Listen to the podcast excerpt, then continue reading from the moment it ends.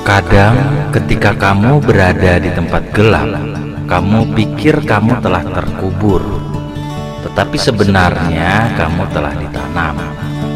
Jangan tanyakan pada diri Anda apa yang dibutuhkan dunia. Bertanyalah apa yang membuat Anda hidup. Kemudian kerjakan.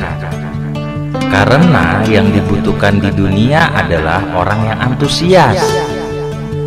Seseorang boleh mengalami pahit getirnya perjalanan hidup. Tapi dia tidak boleh berhenti dan tidak boleh kehilangan impiannya.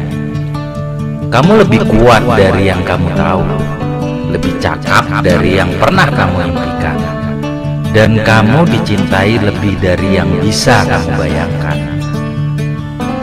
Janganlah pernah menyerah ketika Anda masih mampu berusaha lagi. Tidak ada kata berakhir sampai Anda berhenti mencoba. Bukan apa yang kita dapatkan, tapi menjadi siapa kita, apa yang kita kontribusikan. Itulah yang memberi arti bagi kehidupan kita.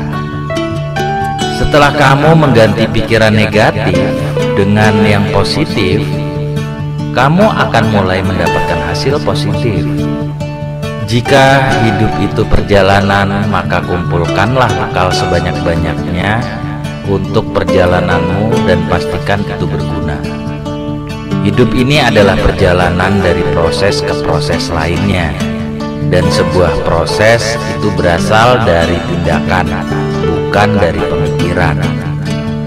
Kita bisa mengubah hidup kita, kita bisa melakukan, memiliki, dan menjadi apa yang kita inginkan.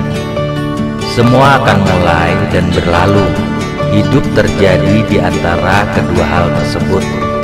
Pastikan itu perjalanan yang bermakna dan indah. Jika Anda melakukan apa yang selalu Anda lakukan, Anda akan mendapatkan apa yang selalu Anda dapatkan. Optimisme adalah kepercayaan yang mengarah pada pencapaian. Tidak ada yang bisa dilakukan tanpa harapan dan keyakinan.